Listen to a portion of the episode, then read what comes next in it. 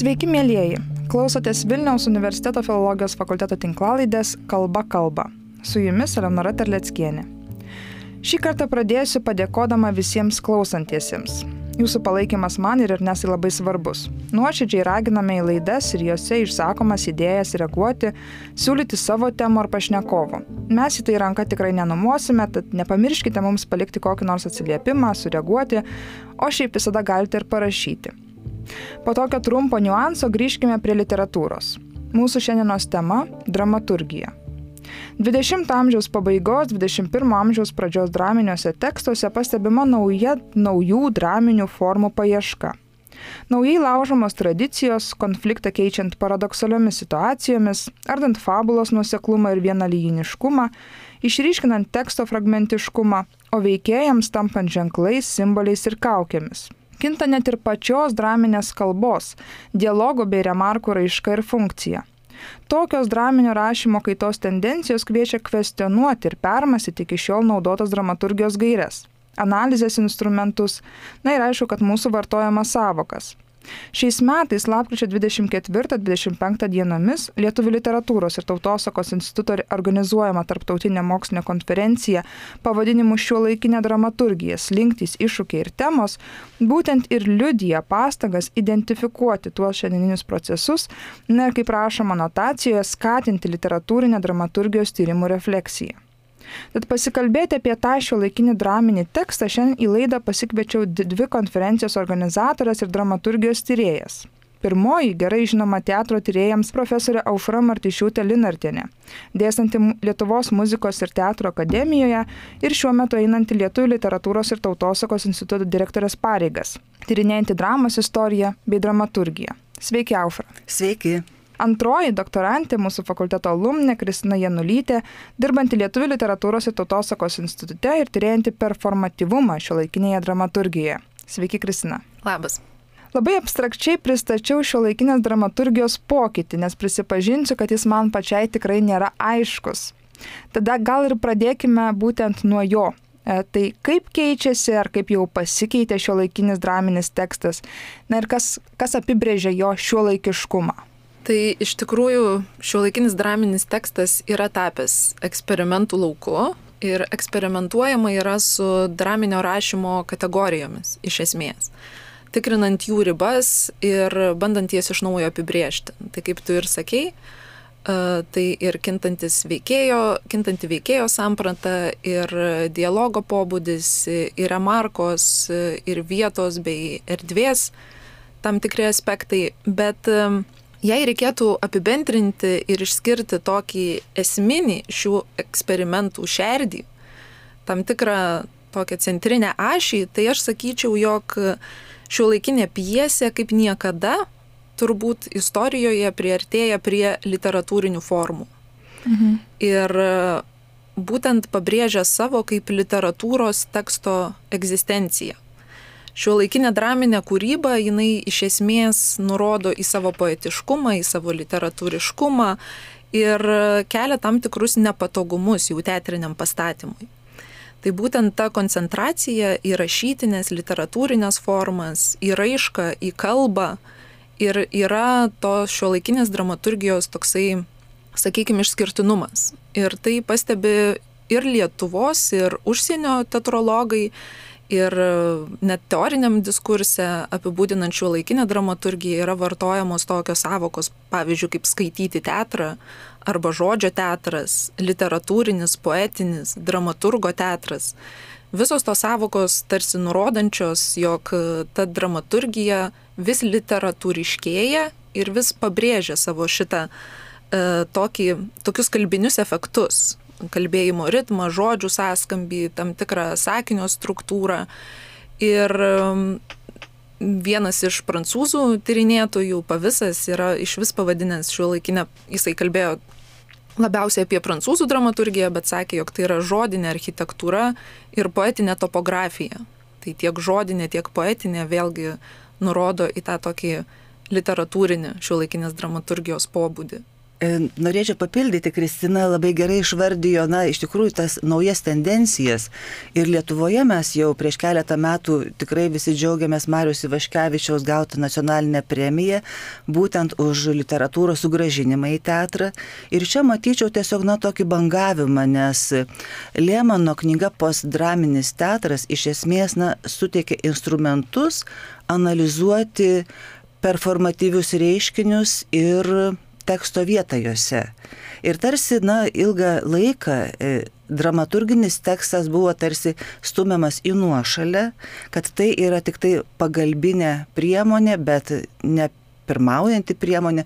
Manyčiau, kad dabartinėme teatro procese atsigrėžimas į teksto kokybę, būtent į literatūrinė dramaturginio teksto kokybė yra tiesiog na, natūralus toksai pokytis po teksto savotiško nužeminimo prie išskirtinio dėmesio tekstui. Ir tai, kad dramaturgai nori, kad jų dramos pasirodytų knygose, būtų ne tik tai kaip spektaklio scenarius, kuris kažkur archyve dūla, bet pasirodytų kaip knygos tekstus tobulina, tai irgi liudyja dramos priartėjimą prie literatūros lauko. Ir iš tikrųjų aš Visai neseniai skaičiau tokią e, dramaturgės ir teatrologės e, Dovilės Tatkevičinės tokią frazę, kur jinai apibūdina e, mūsų dabartinę tarsi situaciją kaip e, kojų amžių. Tarsi ta dramaturgija yra stalo koja, į kurią yra atsiriamama, jinai suvokiama kaip pretekstas vaizdui, kaip tam tikra vaizdo dalis, tai savotiška vaizdo koja, bet nesavarankiška, tarsi jai kažko trūksta, e, tarsi ji negalėtų būti analizuojama kaip atskiras kūrinys, atskiras tyrimo objektas. Tai tokia visai graži metafora, kad mes gyvenam kojų amžiui, bet šio laikinė dramaturgija turbūt šiek tiek iš jos išeina. Na, manau, kad iki šiol yra aktualus ir Aristotelio pastebėjimas, kad drama, tragedija gali egzistuoti ir be teatro, tiesiog kaip, kaip skaitimui skirtas kūrinys. Mhm. Kadangi man visą laiką yra aktualus tas atfontės grįžimas prie šaltinio, suprantu, kad kadangi reiškinys nėra dar toks senas, ar įspėtumėt, ar galėtumėme kalbėti, kokios yra būtent to pokyčio priežastys? Kodėl yra grįžtama prie tokio literatūriškumo? Turbūt tai yra prasmės klausimas, nes vis tik tai atėjęs į teatrą žmogus na, nori tam tikro katarsio, nori tam tikro sukrėtimo. Ir e, žodis turi galę tą sukrėtimą su, su, sukelti, su, suteikti. Ir žiūrint, tarkime, na, vėlgi prancūzų dramaturgiją, Bernard Marie Colteso, Medvilnės laukų vienatvė, ten kitos piesės, juose yra tiesiog, na, kalba dominuoja. Bet manau, kad mūsų šiandienos pokalbį mes turėtume aptarti ir kitokias formas, nes iš tikrųjų, na, negalime suabsoliutinti, kad na, visas dramos laukas yra toksai lygus ir vienodas, iš tikrųjų yra be galo įvairių eksperimentų, įvairių, na, sakyčiau, netgi modifikacijų, kai, pavyzdžiui, idėjos autoriai yra keli, o dramaturgas, tarkime, padeda tą idėją gyvendinti, kaip, tarkime, Vaivos Grainytės libretas e, operoje performance Saulė ir jūra, taigi, arba geros dienos, tai yra ir tekstas, bet kartu tai yra jau idėjos, bendros idėjos realizuotojai. Ir manau, kad dabartiniuose spektakliuose labai dažnai vat, atsiranda ta pirmiausia idėja, ir netgi kartais būna parašyta, tarkime, kas yra idėjos autoriai. Mhm. Na, o dramaturgas tarsi padeda tą idėją įgyvendinti. Nors kita vertus aš matau, kaip dramaturgija atsiranda visiškai netikėtose erdvėse. Ir tarkime, istorijų namų parodoje, kuri buvo skirta Antanui Ingelevičiui, fotografui iš tarpukario Kauno, fotografavusiam ir Vilkolakio teatrą, Indrė Bručkutė įvardinta tarp parodos na, kuriejų kaip parodos dramaturgė. Tai štai sakyčiau, tas dramaturgijos laukas labai išsiplečia. O tų įvairių formų tikrai reikia na, neišleisti iš akių, tiesiog matyti visą tą įvairovę. Man tai atrodo, čia užra palėtė tokią labai įdomią temą, e, kad dramaturgija tarsi ir pats dramaturgas suskyla į du tokius asmenis, tai yra piesės autorius ir tada jau yra tas teatro dramaturgas kuris supranta ir draminių, ir sceninių struktūrų tam tikrą sąveiką ir padeda va, visokiem renginiam arba asistuoja režisieriui, kuriant spektaklį. Tai Na, turbūt ir tie užduodami klausimai dramaturgam, ar jūs esate individualus kūrėjas, ar jūs esate komandos kūrėjas. Ir čia man labai patiko Teklės Kaftarazijos interviu išsakyta mintis, kaip, na, jinai tarsi ir vieną tokią fazę išgyvena, ir antrą, bet tiesiog iš tikrųjų derina ir darbą prie stalo savo minčių tiesiog užrašymą popieriuje ir tą bendrą idėjos realizaciją. Bet šiek tiek ir skiriasi tuo metu, kaip tu žiūri į tą dalyką. Jeigu tu esi piesės kūrėjas, tai tu labiau galbūt ir kreipi dėmesį į tą, kaip rašytojas save identifikuoji, labiau kreipi dėmesį į literatūrinį tą pavydalą piesės, kai tu dirbi su režisierium, su komanda, tu jau save suvoki kaip tam tikro uh, kūrinio dalį ir tada jau ir tas kūrybinis procesas visai kitoks vyksta jau. Čia gali būti įvairių variantų, nes tarkime, prisiminus prieš porą dešimtmečių sukurtą Sigito Parulskio PS byla OK. Pabrėžiama yra, kad vis tik tai darbas vyko repeticijų metu, bet dabar mes jau knygoje išspausintą pjesę tiesiog skaitom kaip kokybišką tekstą. Tai čia turbūt vis tiek tas dramaturgo yra noras, kad nesvarbu, kokiu principu yra kuriama, bet na, tas tekstas turi būti kiek įmanoma uh, kokybiškesnis, prasmingesnis, švaresnis. Tai kaip pakito pati tada e, to draminio rašymo elementų suvoktis, e, jų, jų interpretacija, tada kas šio laikinėje dramoje yra veikėjas, erdvė, laikas, ar, ar tai yra tie patys aspektai, kurie buvo anksčiau, ar tai kažkaip vis dėlto keičiasi, jie gauna naują prasme. Tai žinoma, kad e, keičiasi nuo to, ką mes vadinam klasikinės dramos modeliu, tuo aristoteliškuoju. Tai šiuo laikiniuose draminiuose tekstuose jau nebėra tokių psichologiškai išbaigtų personažų, atsiranda um, nei išorinių kažkokių pavydalo, nei, nei, nei labai ir psichologijos turintys veikėjai figūros arba veikėjai simboliai. Šiaip keičiasi ir pati dramos, sakykime, ta tokia vizuali forma, mes e, ne vienoje pjesėje jau galim neberasti ir veikėjų sąrašo, arba pavyzdžiui, e, atsivertę pieses, e, kaip mokykloje, pavyzdžiui, mane mokė, iš ko atpažinti piesę, kai tu ją atsiverti ir yra veikėjų vardai surašyti, dvi taškis ir tada jų frazės ir jau gali žinoti, kad čia piesė. Iš vizualinio tai, tokio išdėstymų. Tai dabar jau yra ir tokių piesių, kurios iš vis atsisako net šito tarsi esminio tokio dramos tokio vizualaus pavydalo, jos nebeturi veikėjų, turi tik tai brūkšnelius priekyje, sakykime, nurodančius, kad vienas ar kitas veikėjas, jau kalba nebe tas pats veikėjas, kuris kalbėjo prieš tai, jie yra žymimi skaičiais, apskritai yra labai svarbi vizuali dramos forma. Uh, E, kaip yra išdėstyti žodžiai pačiame lape, e, kaip jie yra išmėtyti, jie jau nebe, nebėra taip gražiai surašomi iš kairės į dešinę. E, jeigu, ir be abejo, su tuo ateina ir tam tikra prasmė, jeigu veikėjas, sakykime, verkia, jų, jo sakomi žodžiai gali būti išmėtyti per puslapį kaip ašarus arba daromi panašus eksperimentai e, apskritai su vizualika. Um, Dar ką galima paminėti, tai žinoma tos belaikės berdvės konstrukcijos, tam tikras statiškas veiksmas. E, labai dažnai, kai paklausiam manęs, e, apie ką ta pjesė, kurią tu skaitai, labai sunku nusakyti jo siužetą. E, sunku nusakyti, kur vyksta veiksmas. Tiesiog nebėra to tokio klasikinio, klasikinėje dramoje variklio, kuris buvo poelgiai. Tam tikras siužetas, kaip poelgis keičia poelgį, veiksmas keičia veiksmą, tarsi yra naikinama vėlgi ta vizuali e, į sceną galimai perkelti kažkokia, kažkokie ženklai, kažkokia simbolika ir viskas yra suskliūdžiama kalboje. Tu turėtum pamatyti tą teatrą ant popieriaus lapo, kaip irgi sako tyrėjai. Tai, tai tokie turbūt pagrindiniai.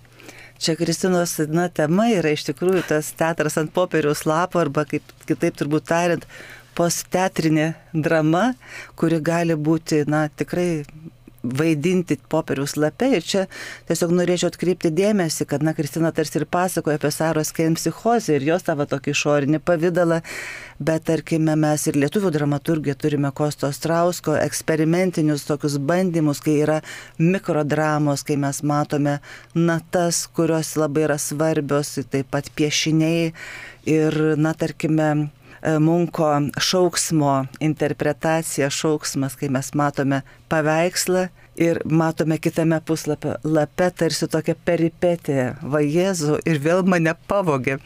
Ir tada mes matome, kaip sužaidžia tas vat, paveikslo rimtumas, visas tas kontekstas interpretacinis, kuris mus lydi nuo mokyklos suolo ir staiga žinutė apie tai, kad šitas paveikslas tiesiog yra daugiausiai kartų pavoktas apskritai meno istorijoje. Ir taip pat tas rimtumas ir komiškumas, bet kartu ir vaizdas ir, ir tekstas susilieja. O iš tokių dar, sakyčiau, įdomesnių pavyzdžių, tai manyčiau būtų na, šio laikiniam operom kuriama dramaturgija, kuri, na, iš esmės labai turi daug ryšio su muzika ir čia norėčiau tiesiog išskirti Gabrielės Labanauskaitės Honeymoon, kur eina kelios kalbos, yra neišskiriami veikėjai ir, na, tarsi toksai yra ir literatūros tekstas, bet kartu ir jisai, na, tokių, sakyčiau, akivaizdžių jungčių nebuvimu, jisai sukuria labai plačią interpretaciją erdvę, sakyčiau, prasmės erdvę. Ir čia gal netgi būtų galima ir išskirti, kad šio laikinė dramaturgija dažnai neparodo jungčių tarp keleto skirtingų objektų ir tada tiesiog, na, tarsi skaitytojas ar režisierius interpretuojantis tokį tekstą, jisai gali e, sukurti, na, labai įdomias prasmes, tiesiog, na, tarsi įtraukia tas tekstas į bendrą kūrybą. Taip, bet jeigu mes tada pradedam kalbėti apie tokias literatūriškas um, dramas, apie tokį tekstą, tai koks tada jo santykis yra su režisieriumi, su scena, ar jisai, be to, ką jūs pasakojat, tai žinoma, kad jisai turi taip pat keistis, tiesa? Be abejo, kad tekstas keičiasi e, kuriant ir aš manau, kad Na, jeigu dabar pagalvotume iš naujausių autorių, tiesiog mačiau paskutinę e, premjerą, tai buvo vėl minėtos Gabrielės Labanauskaitės NT drama atviro rato teatre. Ir, na, iš esmės atrodo, kad viskas yra labai arti teksto, bet kas suskamba, taip sakyčiau, na, neįprastai lietuviškam teatre, kad tarkime, kiekvienas epizodas turi tarsi epigrafą, Ir tas epigrafas, jisai yra ištariamas, na, kaip tokiame brechtiškame teatre, išeinama į priekį, pasakomas epigrafas ir tada toliau yra jau kuriamas dramos epizodas. Tai sakyčiau, kad, na, netgi tas vat, tekstinis pavydalas, jisai kaip epigrafas, jisai įeina į spektaklio audinį, na, kiek tai duoda laisvės režisieriui. Na, man pasirodė, kad derinantis prie atviro rato tiesiog tokios erdvės nedidelės buvo, na, labai įdomiai sužaistas, sakyčiau, su lėlių teatrui būdingais elementais, ant, tarkime, kambario ar kažkurių tai figūrėlių, tokiais mažais maketais. Tai, na, tai irgi suteikia tam tikro tokio ir komiškumo, ir kartu gal kažkokio tai ir trapumo, tas vas popieriaus įvedimas į žmonių tarpusavio santykius su maketu, bet kartu ir, na, sakyčiau, kad e, visą laiką turbūt režisieriai suranda na, kažkokį tokį būdą e, pasakyti savo, savo mintį, parodyti save, savo idėjas. Aš tai sakyčiau, jog iš tikrųjų, mano nuomonė, režisierius šio laikinėje dramaturgijoje, jai taip kintant, iš esmės tapo platesnė savoka. Tai nebėra tas režisierius, kuris tik tai pastato, e, turi savo kažkokią interpretaciją sceninę ir, ir, ir jam be be interpretuojant mes matom spektaklį kaip baigtinį rezultatą, bet kaip ir prieš tai aušra minėjo, e, pats skaitytojas irgi tampa režisierium. Mes esam įtraukiami į bendro spektaklio per brūkšnelį skaitimo procesą tam tikrą. Tai e, tos skaitimo, rašymo ir statymo, žiūrėjimo, autoriaus, režisieriaus savokos iš esmės šio laikiniai dramaturgijai persidengia. Ir jeigu mes priimsime ir sutiksime, jog iš tikrųjų yra e, ta scena kuriama ant popieriaus lapo, tai galime tada analizuodami tokius tekstus perkelti ir vartoti ir, ir, ir tas teatrinės savokas. Ir sakyti, jog mūsų žiūrovas yra ir mūsų skaitytojas. autorius yra ir, ir režisierius arba, arba e, ten scena, tai yra popierius, tiesiog e, daryti analogijas. tai man atrodo, kad režisierius jau tarsi nebejotinai išliko tai režisieriaus, ta, sakykime, klasikinė samprata, niekas jos nepanaikino ir yra tie režisieriai, kurie ima tekstus ir, ir sukuria savo, savo, savo interpretacijas ir dar pakeičia ten pabaigas ar ten įterpia, į, į, į, įpina kažkokių intertekstų, bet e, šiuo laikiniai e, dramaturgijoje, kaip žvelgiant iš literatūrologinių tokių pozicijų, režisieriumi gali būti jau ir skaitytojas savo tiesiog skaitimo metu kurdamas tam tikrą mentalinę sceną ir, ir, ir savo prasmės įdėdamas į tą tekstą, kurį skaito. Mhm, taip, čia labai gražiai tada susisieja su tuo būtent, ką aš Aufra jau pasakojo apie įvairių medijų naudojimą tam, tame pačiame draminėme tekste, tiesa. Mes čia dabar dar taip gan um, abstrakčiai kalbame ir apie e, įvairias e, šalis, paminėdami tiek tai Lietuvą, tiek, tiek buvo paminėta Prancūzija ir taip toliau. Ar skiriasi nuo to, kokios tendencijos yra Lietuvoje, ar mes tai galime matyti kažkokį e, savarankišką augimą ar procesą, nuo to, kas vyksta užsienyje, ar vis dėlto, na, mes jau šiandien pasiekėm tą lygį, kai kažkuria prasme mes jau vis tiek einame visi toje pačioje vagoje? Na, sakyčiau, kad įvyko didelis pokytis nuo nepriklausomybės pradžios ir, na, aš prisimenu, kaip Oskaro Koršunovo senė ten būti čia, na iš tikrųjų tiesiog buvo kaip toksai na, šūvis su labai savitos vaizduotės, savitų teatru ir, ir mažai kam vakaruose girdėta oberiutų kūryba. Ir tai buvo, na iš tikrųjų, tai buvo taip, kaip nebuvo kitur. Tai buvo labai labai savita manau, kad mes mėginom ieškoti savo balso ir Sigito Parusko, tarkime, ir Oskaro Koršunovo bendradarbiavimo atvejai. Ir tarkime, na ir Marijos Ivaškevičius, manau, kūryba yra labai stiprus, savitas balsas, kuris, na, tiesiog yra originalus, autentiškas ir, na, sakytume, kad tai yra tai, kas pas mus yra savita e, sakyčiau, kad dabartinė jaunoji dramaturgų karta, kuri, na, e, pradėjo studijuoti daugiausia kino dramaturgiją, tai ir Birutė Kapustinskaitė, ir Teklė Kaftarazė, ir tarkime šiek tiek iš literatūros lauko, jau kaip ir kitokio, Tėjas Mindaugas Nastaravičius, ir čia būtų galima e, tiesiog na, vardyti daugybę pavardžių. Vis tik tai kitas laikas, jie jau ateina į rašymą, į dramaturgiją, kai yra atviros sienos galima tiek studijuojant, tiek paskui e, daug kur važinėtis ir tiesiog dabar mums organizuojant konferenciją, tiesiog, na, paaiškėja, kaip e, organizuojame knygos pristatymą ir Gabrielė Labanauskaitė sako, va čia mano dabar premjera Lisabonoje bus ir šiaip džiaugiuosi, kad šiais metais buvo penkios premjeros užsienyje. Ir turbūt tas persidengiantis, na, kultūros laukas, tai yra ir labai puiku, nes mūsų žmonės išeina į, na, plačią erdvę. Kita vertus, manau, kad tai yra ir tam tikras susiniveliavimo suvienodėjimo iš tikrųjų pavojus. Nes tiesiog na, atsiranda toks kalbėjimas vienu balsu ir tokių vat, ryškių individualybių tada tarsi ir imame pasigėsti. Bet čia manau tiesiog na, toksai turėtų būti mums kaip įspėjimas vis tik tai drąsiai e, reikštis savo balsu, savo stiliumi.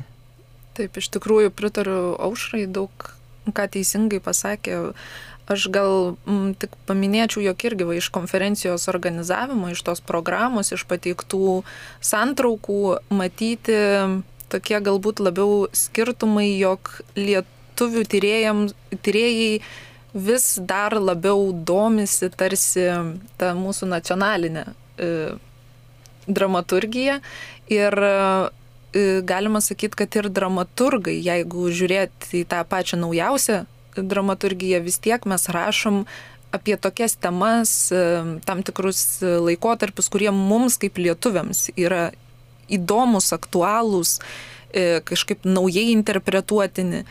E, užsienio piesės gal jos labiau, sakyčiau, tokios universalios, jos labiau paliečia tokias bendražmogiškas temas, nors aišku yra visko, bet tarsi tokia labiau tendencija, kad mes vis dar e, mūsų kuriem vis dar tikrai yra svarbios temos ir labai svarbus turinys, kai užsienio kuriejai galbūt jie drąsiau šiek tiek e, nutolsta nuo tam tikrų labai specifinių tematikų, bet eina labiau į tą eksperimentą, į formą, į raišką. E, užsienyje, sakyčiau, piesės tokios išskirtinesnės labiau. E, galima e, pamatyti iš piesės, koks tai yra autorius, o Lietuvoje labiau galbūt e, kuriama vis dar žvelgiant labai į tematiką tikrai svarbu apie kažką mums dar vis kalbėti.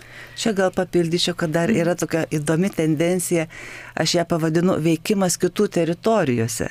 Tai čia būtų galima kalbėti ir apie Marius Ivaškevičius, arkime, rusišką romaną, ar tarkime Kantą, ar ir pagaliau, na, miegančius, ar E, Gintaro Grajausko, arba man vat, labai buvo įdomus Atherkaus Kunčiaus avangardistai.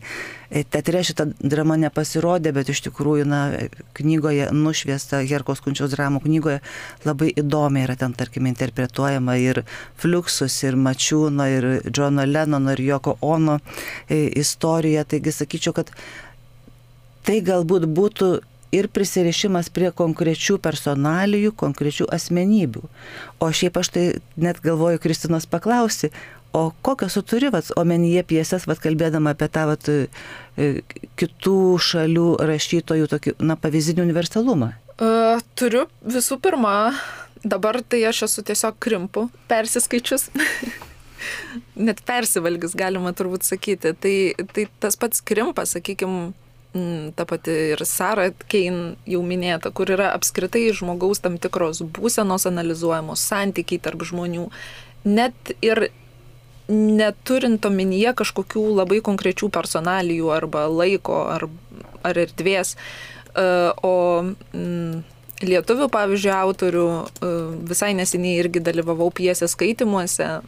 Kolegos Augustos įreikia buvo piesė skaitoma, tikrai įdomus tekstas, bet va, jaunasis kuriejas irgi apie ir intertekstų ir apie Venslovas buvo nuorodų, jau tarsi toks įkultūrina į mūsų lietuvišką lauką ir tarsi ta piesė tokia tampa uh, uždėta, uždėtas dar vienas sluoksnis, kuris galbūt uh, užsienio, pavyzdžiui, skaitytojams jau nebūtų pažįstamas ir nebūtų pamatoma. Bet pavyzdžiui, Birutės Kapusinskaitės terapijos puikiausias pavyzdys, kaip gali būti suvokiama ta akistata su mirtimi bet kokioj, bet kokioj šaly. Ir vat, tiesiog aš pagalvoju, dabar, man atrodo, laukia premjera Korejui. Šiaip tiesiog naudodamasi progą galiu pasigirti, kad na, prieš keletą metų buvo išleista anglų kalba apie lietuvių teatrą ir dramaturgiją knyga. Ir ką tik ji pasirodė Pietų Korejoje. Tai, na, tiesiog, na, aš manau, kad netgi čia ir tas toksai, va, Europos ribų peržengimas yra visiškai įmanomas.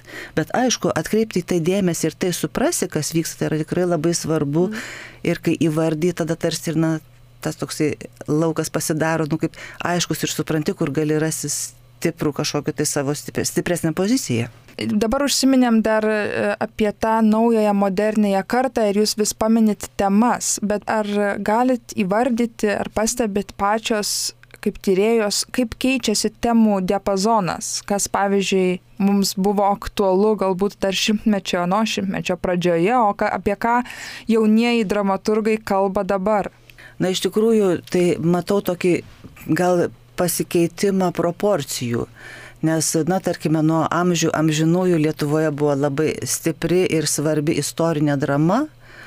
Ir matau, kad, tarkime, na, dabartiniai kartoje aš tiesiog išskirčiau gal Mindogo Nastaravičiaus miškelį kartu su Valentinu Masalskiu sukurtą, bet, sakyčiau, tos tokios va, atminties tema, jinai tarsi yra šiuo metu susilpnėjusi, nors vėlgi sakyčiau, kas sustiprėja, sustiprėja turbūt, na, dėmesys žmogui ir empatijos kitam tema. Ir tiesiog, na, norėčiau kaip pavyzdį pristatyti tą e, Birutės Kapusinskaitės terapijas e, pjesę apie vėžių sergančias moteris, e, na tarsi gulinčias vienoje palatoje, ją parašo iš savo asmeninės patirties, turbūt irgi yra labai svarbu, kai ta asmeninė patirtis, jinai tiesiog, na, suteikia tokios stiprybės, kuriant. Bet kartu ir pjesėje yra labai ir komiškų, ir tragiškų, ir dramatiškų dalykų, bet tai yra, sakyčiau, sugrįžimas tiesiog prie žmogaus sugrįžimas prie žmogaus, prie jo, e, na, sakyčiau, gyvybės kaip vertybės. Ir, ir tai, man atrodo, yra svarbu, kalbant apie jaunosios dramaturgų kartos kūrybą. Išskirčiau, tarkime, Gabrielės Labanauskaitės raudonus batrašius arba kraujo brolius. Vėlgi tai yra, na, šeimos, na, aišku, tai yra ir biblinė Kaimno ir Abelio, tarkime, interpretacija, bet vis tiek tai yra, na, to savo dėmesys savo artimui. Tai manyčiau, kad tai yra dabartinės kartos stipriausioji dalis - žmogiškumas, empatija, na ir tarsi klausiama už klausimą, kiek mes savo artimą ir save mylim. Bet kartu ir, sakyčiau, tas toks nutolimas nuo tokio kultūrinio konteksto svarbos supratimo. Taip, tam tikras kito pažinimas piesėse, parodimas. O kaip manote, ar mūsų naujieji e, dramaturgai ir taip pat žinoma, kad ir režisieriai, ar jie yra pakankamai drąsūs ir atviri naujoms idėjoms ir, ir mm, iššūkiams, kuriuos pasiūlo dramaturgija. Čia tik tais toksai vienas iš mm, pavyzdžių, bet e, anais metais, pavyzdžiui, Vilniaus teatrai sezonus atidarė pastatydami spektaklius pagal literatūros kūrinius, pagal, ta, kaip čia pasakyti, pilnus literatūros kūrinius. Tai turiu omenyje Lietuvos nacionalinėme dramos teatre Gžegožo Ježinas e, Soliari 4, kuris buvo pasakytas pagal Stanislavą Lemą, ir taip pat Gintaro Varno spektaklį pagal Oldoso Hakslio romaną e, Puikus naujasis pasaulis jaunimo teatre. Kaip manote, ar tokie režisierių pasirinkimai yra daugiau atsitiktiniai, atsitiktiniai tai yra nulemti būtent tiesiog tematikos paieškų, ar mes galime kalbėti taip pat ir apie tam tikrą uh, šiandieninės dramaturgijos būklę?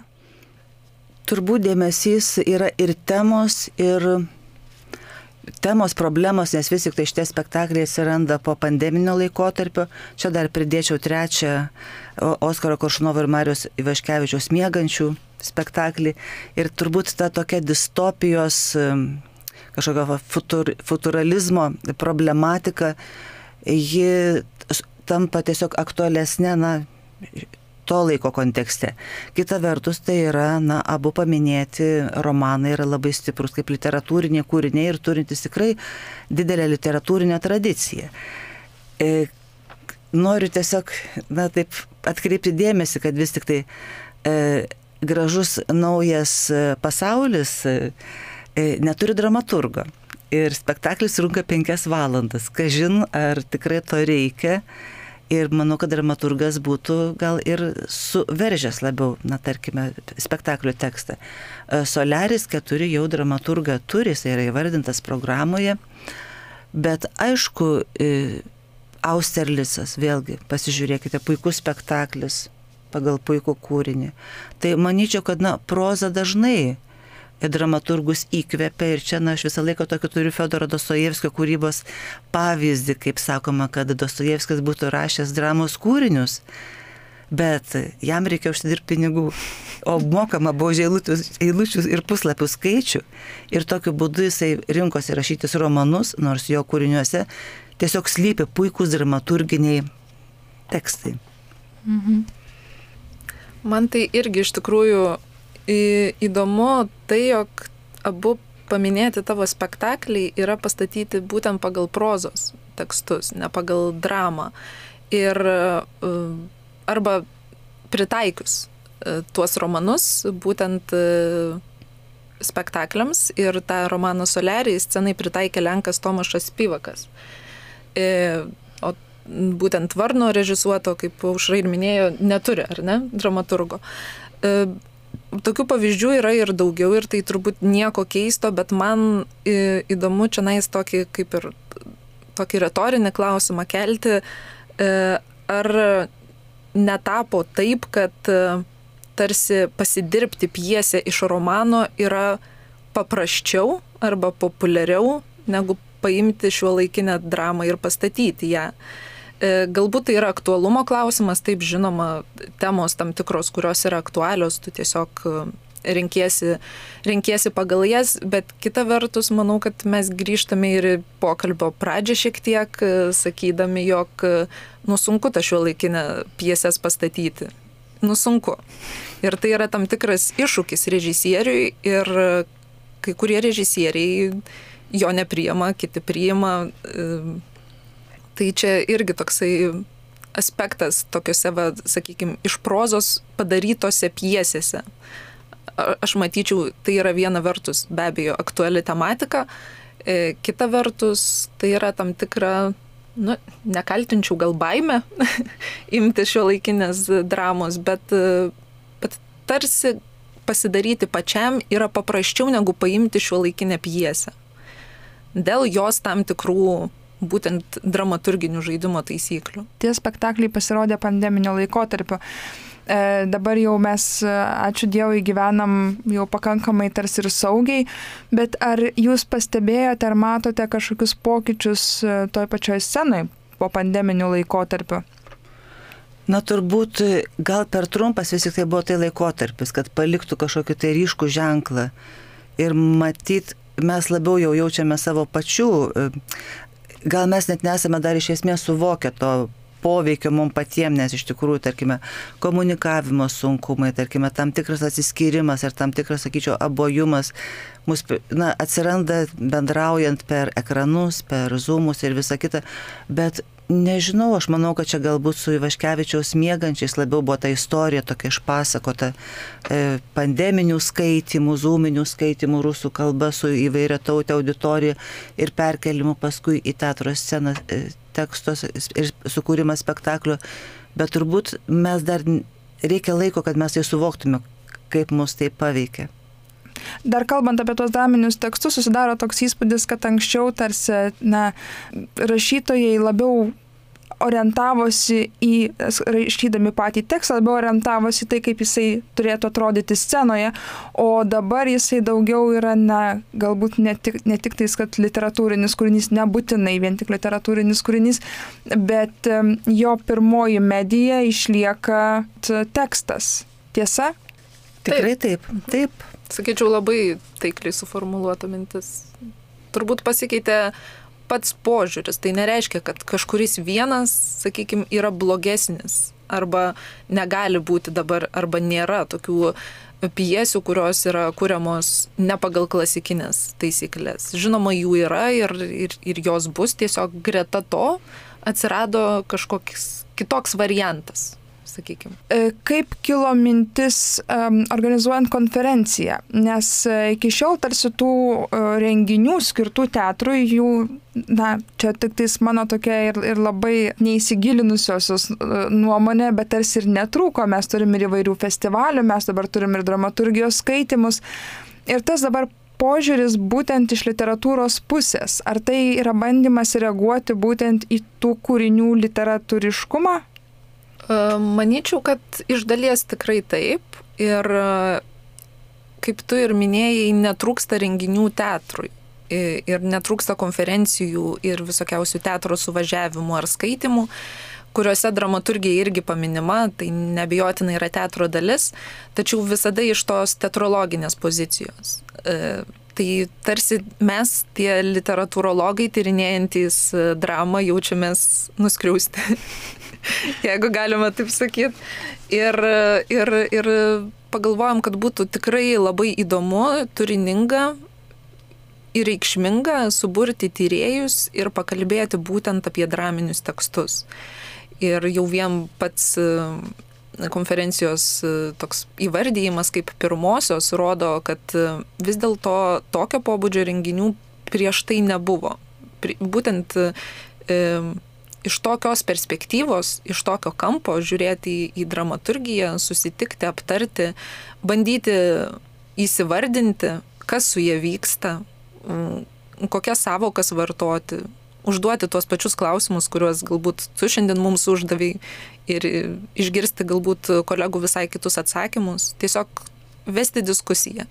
Šiuolaikinė dramaturgija yra dramaturgija, kuri vyksta čia ir dabar. Jis yra gyva. Mes dar neturim tokio istorinio um, atotrukio nuo jos, tam tikro labai aiškaus santykio, kaip, nežinau, į kokį Šekspyrą žiūrėtume. Mhm. E, tai iš esmės tai yra tam tikri tame yra ir sunkumas, nes tu dar nežinai, tu, tu skaitai ir tu reflektuoji ir, ir po mėnesio tau gali jau atrodyti galbūt ir kitaip, galbūt kažkas įveda naujas savokas. O tuo pačiu tai yra be galo įdomu, nes tai yra nuolatos vykstantis procesas, kuriame galime mes patys dalyvauti ir, ir kurti ir tam tikras ir savokas, ir teorijas, ir neikti vieni kitų teorijas. Tai e, pati konferencijos idėja ir kilo norint reflektuoti tai, kas vyksta mūsų kultūriniam pasaulyje ir, ir visų pirma dramaturgijoje. Man atrodo, kad yra labai svarbu na, sukoncentruoti dėmesį, nes labai daug kas būna tiesiog fragmentuota, išbarstyta ir na, tiesiog nema, nematom visumos. Ir tiesiog, na, naudodamasi progą noriu priminti, kad vis tik tai tą įdomios mūsų naujausios kūrybos pulsą galime užčiuopti Lietuvos nacionalinio dramos teatro organizuojame festivalėje Versmė. Vėlgi šiemet artėja skaitimai. Taip pat, man atrodo, yra labai svarbi Lietuvos kultūros instituto iniciatyva, vis tik tai Lietuvos kultūros gidai traukti dramaturgiją ir dramaturgus. Ir nors tai yra tokia, sakyčiau, kukli pradžia, kai yra tiesiog trumpi pristatymai skelbiami anglų kalboje, bet matau tokią, na iš tikrųjų, mūsų tikslą. Šitą konferenciją jinai galėtų prisidėti ir prie dramaturgijos klaidos užsienyje. Vis tik tai turėtų atsirasti lietuviškų piesių tinklalapis anglų kalba ir tarkime tai būtų svarbu ir režisieriams, teatrams, bet kartu ir dramaturgijos tyrinėtojams, nes dabar iš tikrųjų mes turime nepaprastai mažai e, piesių išverstų į anglų kalbą. Ir, na, konferencijos pirmąją dieną, lapkričio 24 dieną nuo 15 val. bus pristatoma kaip tik į anglų kalbą išverstų Gabrielės Labanauskaitės piesių knyga. Tai yra, manau, vienas iš nedaugelio atvejų, kai lietuvių dramaturgo kūryba rinktinė yra išleidžiama anglų kalba ir manau, kad tai yra vienas pirmųjų žingsnių, bet toli gražu ne paskutinis ir mūsų konferencija prie tokių iniciatyvų tikrai prisidės, nes na, mums tai rūpi. Dėl to aš mhm. manau, kad mums ir verta stengtis ir burti žmonės tiek liet, iš Lietuvos, tiek iš pasaulio ir tiesiog tai yra ir Lietuvos kultūros klaida. Čia dar labai gerai, kad užsiminėt apie tuos vertimus ir pačias knygas, nes o, žvelgiant į, į dramaturgijos tekstus, sudaro įspūdis, kad jie leidybiniu požiūriu yra dažnai neįvertinti e, ir, ir dažniau yra leidžiami kaip rinktinės, na, arba kažkaip, na, bandant užpildyti ir pateikti kažką, kas, na, atrodo galbūt kažkiek svariau, apčiuopiamiau. Na, manau, kad dramaturgus leidyklos rečiau leidžia nei poetus ar prozininkus. Na, iš tikrųjų, Marius Ivaškevičius, kuris jau turi tikrai, na, tokią jau solidžią, sakyčiau, šio laikinio klasiko statusą. Ir taip, jo, jo piesės yra, tiesa, ne visos, irgi ne visos, lietuvių kalba išspausintos. Labai reikėtų, kad jos pasirodytų anglų kalba. Lietuvių literatūros ir tautosakos institutas pastaruoju metu, na, tarsi ėmėsi tokios lyderystės e, leidybinėje praktikoje, nes iš tikrųjų išleidome ir na, tarkime, sovietmečio tokių avangardistų, absurdistų Ambraso ir Midvikio pieses ir Herkaus Kunčiaus piesių rinktinę ir Gyčio padėgymo e, dramų, istorinių dramų rinktinė ir Gabrielės Labanauskaitės. Manau, kad tai yra prasminga, nes, na, Gytis padėgymas tai pajokavo, sako, pažiūrėjo leidykloje vienoje į mano piesės ir sako, galėtumėt jūs pagal jas parašyti romaną, tada tikrai, tikrai išspausdintumėm. Tai žodžiu, nuo Dostojevskio nedaug kas pasikeitė. Gerai, tai uh, jau beveik visai pabaigai labai norėčiau paprašyti jūsų, gal mūsų klausytojams turėtumėt ką nors parekomenduoti, būtent iš to, apie ką mes kalbėjome, apie tuos draminius tekstus, galbūt būtent tiems, kurie nedaug yra skaitę, ką jūs siūlytumėt nuo ko pradėti, su kuo susipažinti, na, galbūt turit kažką labai klasikinio, ką kaip tik tais tas, kas norėtų apie tai sužinoti daugiau arba įtvirtinti savo žinias, tai turėtų kaip, na, tokį must have. Tai manau, turbūt tik priminsiu ir pakviesiu sudalyvauti Versmės festivalio renginiuose, kurie vyks lapkričio 15-20 dienomis. Jie bus skirti ukrainiečių kūrybai, tai manau tikrai e, rasim kiekvieną savo e, patikusią autorių. E, Taip pat angliškai skaitantiems aš nuo savęs rekomenduoju pavartyti Modern Drama žurnalą kuriame yra be galo įdomių straipsnių ir, tokių teorinių, ir nušviečiančių bendrą dramaturgijos lauką ir ganėtinai tokių specifiškų, leidžiančių susipažinti su ne tik lietuvių dramaturgija, bet ir užsienio ir galbūt iš ten pasimti kokią rekomendaciją. Taip pat galbūt irgi yra žinoma, bet tiesiog priminsiu, jog yra dramų stalčius, tokia internetinė svetainė, kur tikrai norintys gali, gali rasti ne vieną išverstą dramą, ten yra virš šimto, man atrodo, dramų ir kaip aušra sakė, tikėkime, kada nors turėsim labai panašią e, skirtą į anglų ar kitas kalbas išversti į lietuvių dramaturgijai. Tikrai verta atsiversti teatro žurnalą, kurio prieduose yra spausdinamos piesės ir lietuvių, ir užsienio autorių.